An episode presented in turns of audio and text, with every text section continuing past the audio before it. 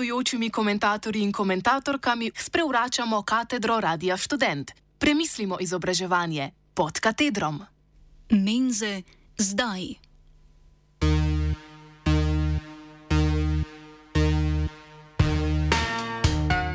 Recimo Bobu Bob. Sistem študentskih bonov je v rasulu. Predvsem starejši študentje, ki smo se z boni spoznali že pred epidemijo, lahko opazimo tri trende. Prvič. Vse manj restauracij ponuja študentske bone. To še posebej velja za Ljubljano, kjer živi in študira okoli 40 tisoč študentov, medtem ko imajo druga mesta že tako ali tako precej burno ponudbo. Drugič. Restauracije, ki ponujajo študentske bone, jih omejujejo na vedno manjša časovna okna, recimo čas po kosilu in pred večerjo, ko je najmanj drugih gostov. Tretjič. Cene doplačila so se neizprosno dvignile.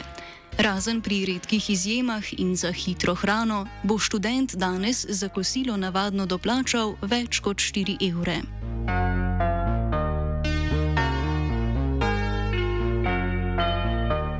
Preprosta posledica pravkar omenjenih procesov je vse manjša uporabnost študentskih bonov. Tudi pri tem ne gre samo za manj udobja, češ pogosteje jem v isti restauraciji. V eni izmed študentskih Facebook skupin je pred časom tekla razprava ravno na to temo in znatno veliko študentov je poročalo, da bone uporabljajo le redko. Študentski boni torej niso resna pomoč pri zadovoljevanju prehranjevalnih potreb, deloma zato, ker so uporabljeni priložnostno, deloma pa zato, ker jih študentje uporabljajo za hitro prehrano.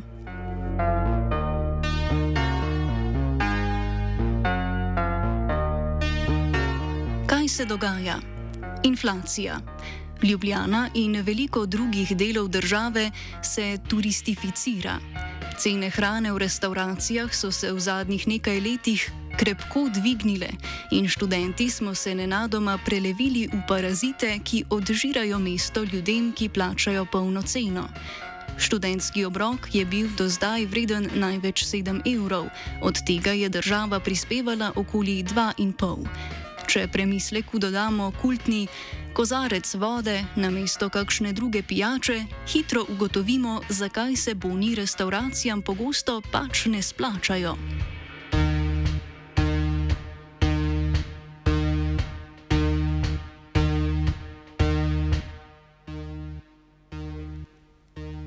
Kaj storiti? Prva možnost je reševanje sistema študentskih bonov. S 1.1.2023 se bo državna subvencija dvignila na 3,5 evra, maksimalna vrednost obroka v celoti pa na 9 evrov. Po eni strani to pomeni, da bodo imeli gostinci od študentske prehrane malček več, tudi po drugi strani bodo študentje za obrok lahko plačali kar 5,5 evra. Verjetno je jasno, da neki povprečen študent bonov pač ne bo uporabljal vsak dan.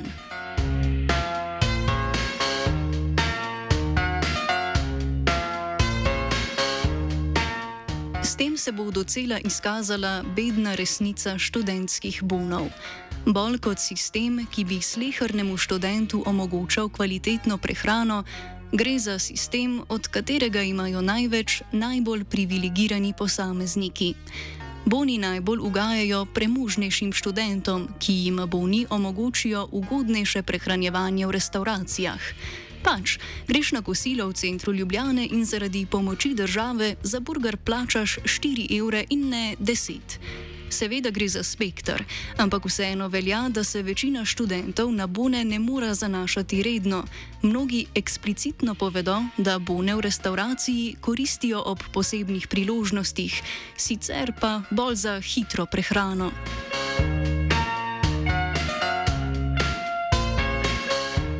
Lahko bi se pogovarjali o še večjem dvigu subvencije, tudi ob tem se moramo takoj vprašati, zakaj bi sploh podpirali sistem, ki dobesedno pretaka javna sredstva v zasebne žepe. In to v gostinstvu, ki je pregovorno izkoriščevalska in slabo plačana panoga, s šefi, ki redno polnijo Instagram strani kot je delozlom.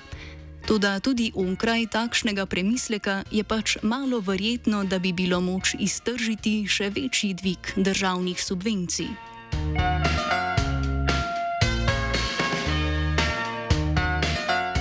Iščemo torej drugačne, bolj radikalne rešitve.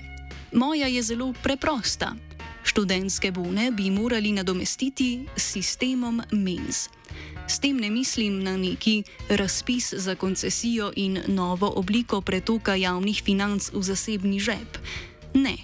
Ustanoviti bi morali javni zavod, ki bi upravljal študentske menze in morda zaposlenim plačal več od minimalne plače. Menz bi moralo biti več, najbolje bi bilo, da bi imela vsaka fakulteta svojo. Na srečo imajo fakultete že zdaj prostore, ki jih bolj ali manj mutno oddajajo raznim zasebnikom. Ti prostori bi bili lahko brez večjih težav prilagojeni in spremenjeni v menze.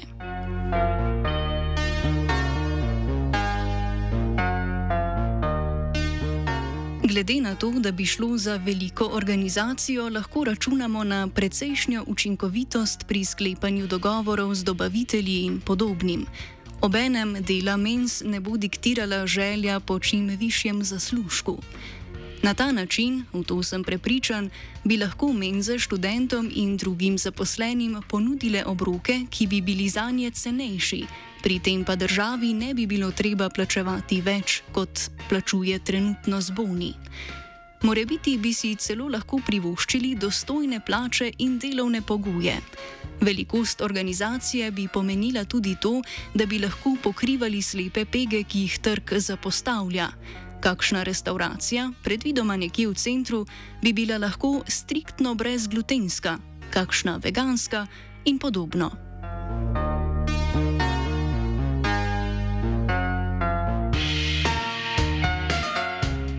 Morebiti boste ugovarjali, češ študentje imajo radi bone, ne marajo pa mens. Trik študentskih bonov je, da so na prvi pogled sjajna stvar.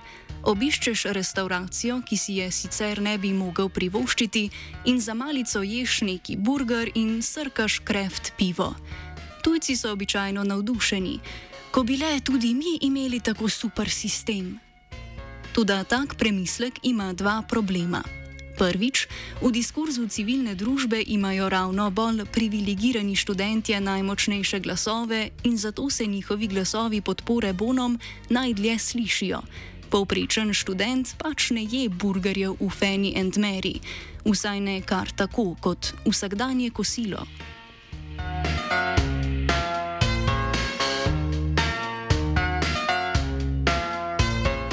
Drugič, Veliko študentov, sploh tistih nekje na sredini premoženskega Gausa, se je nekako sprijaznilo s tem, da so bolni nekakšen občasni dodatek.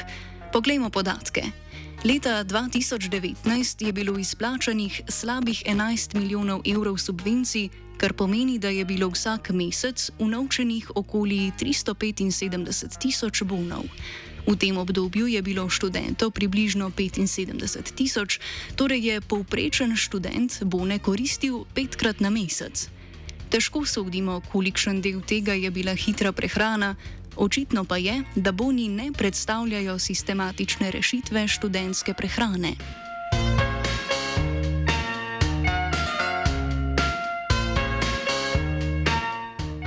Ampak od bonov lahko terjamo več lahko zahtevamo, da se sistem uredi tako, da bo povprečen študent vsak dan lahko jedel kosilo.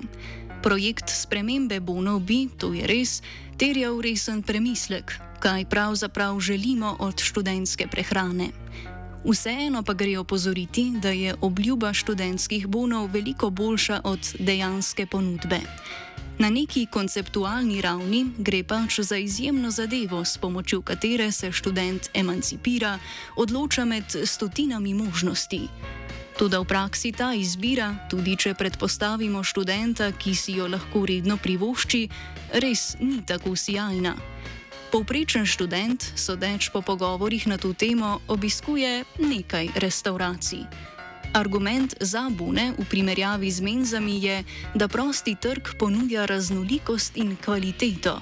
Očitno pa je, da v praksi pri bonih ne gre za nikakršno gurmansko izkušnjo.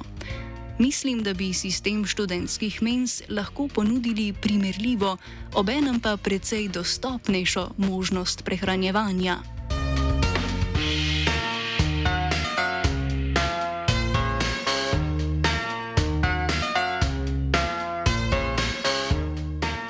Sprejmem ugovor, da bi bila organizacija takšnega sistema birokratsko in politično naporen in zapleten projekt. Toda osnovni namen tega prispevka ni nujno zgolj deklaracija podpore menzam kot takim, pač pa izpeljava teze, da smo in da moramo biti pri oblikovanju zadev glede študentske prehrane dovolj radikalni in da si upamo misliti rešitve tudi onkraj ureditve bonov. Ravno to je, mimo grede, nekaj, kar na, na kar študentski funkcionarji često pozabljajo.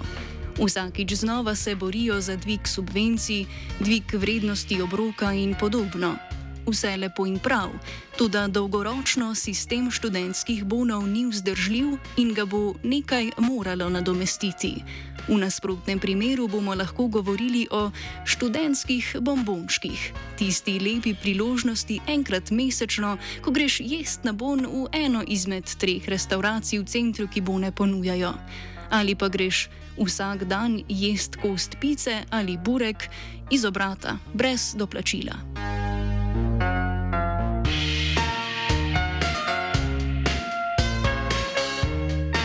Skratka, boni niso najboljši sistem in mislim, da bi jih morali nadomestiti s sistemom MENS.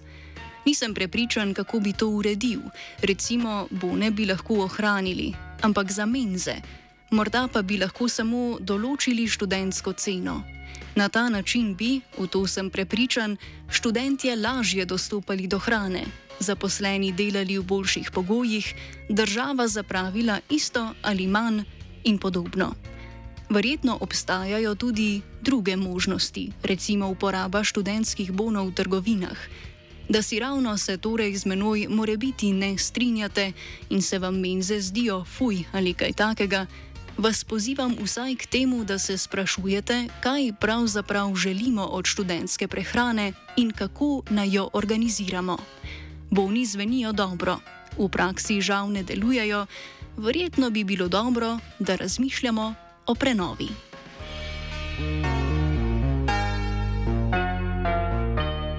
Pisal je Matija.